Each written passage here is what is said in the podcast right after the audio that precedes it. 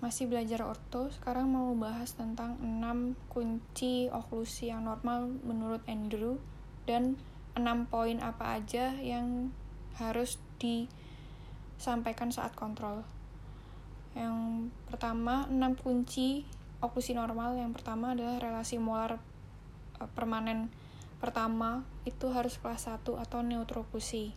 Lalu angulasinya itu harus normal inklinasinya juga harus normal. Perbedaan angulasi dan inklinasi, kalau angulasi itu uh, arah mesiodistal, kalau inklinasi itu bukal lingual gitu.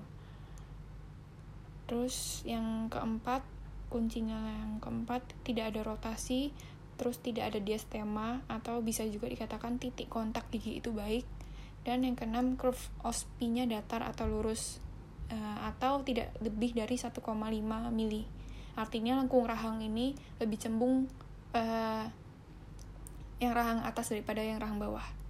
Lalu, 6 poin kontrol yang harus disampaikan itu adalah ringkasan, rencana perawatan, jenis perawatan, terus perawatan yang telah dilakukan, hasil perawatan yang berupa foto sebelum dan sesudah, dan yang terakhir perawatan yang akan dilakukan.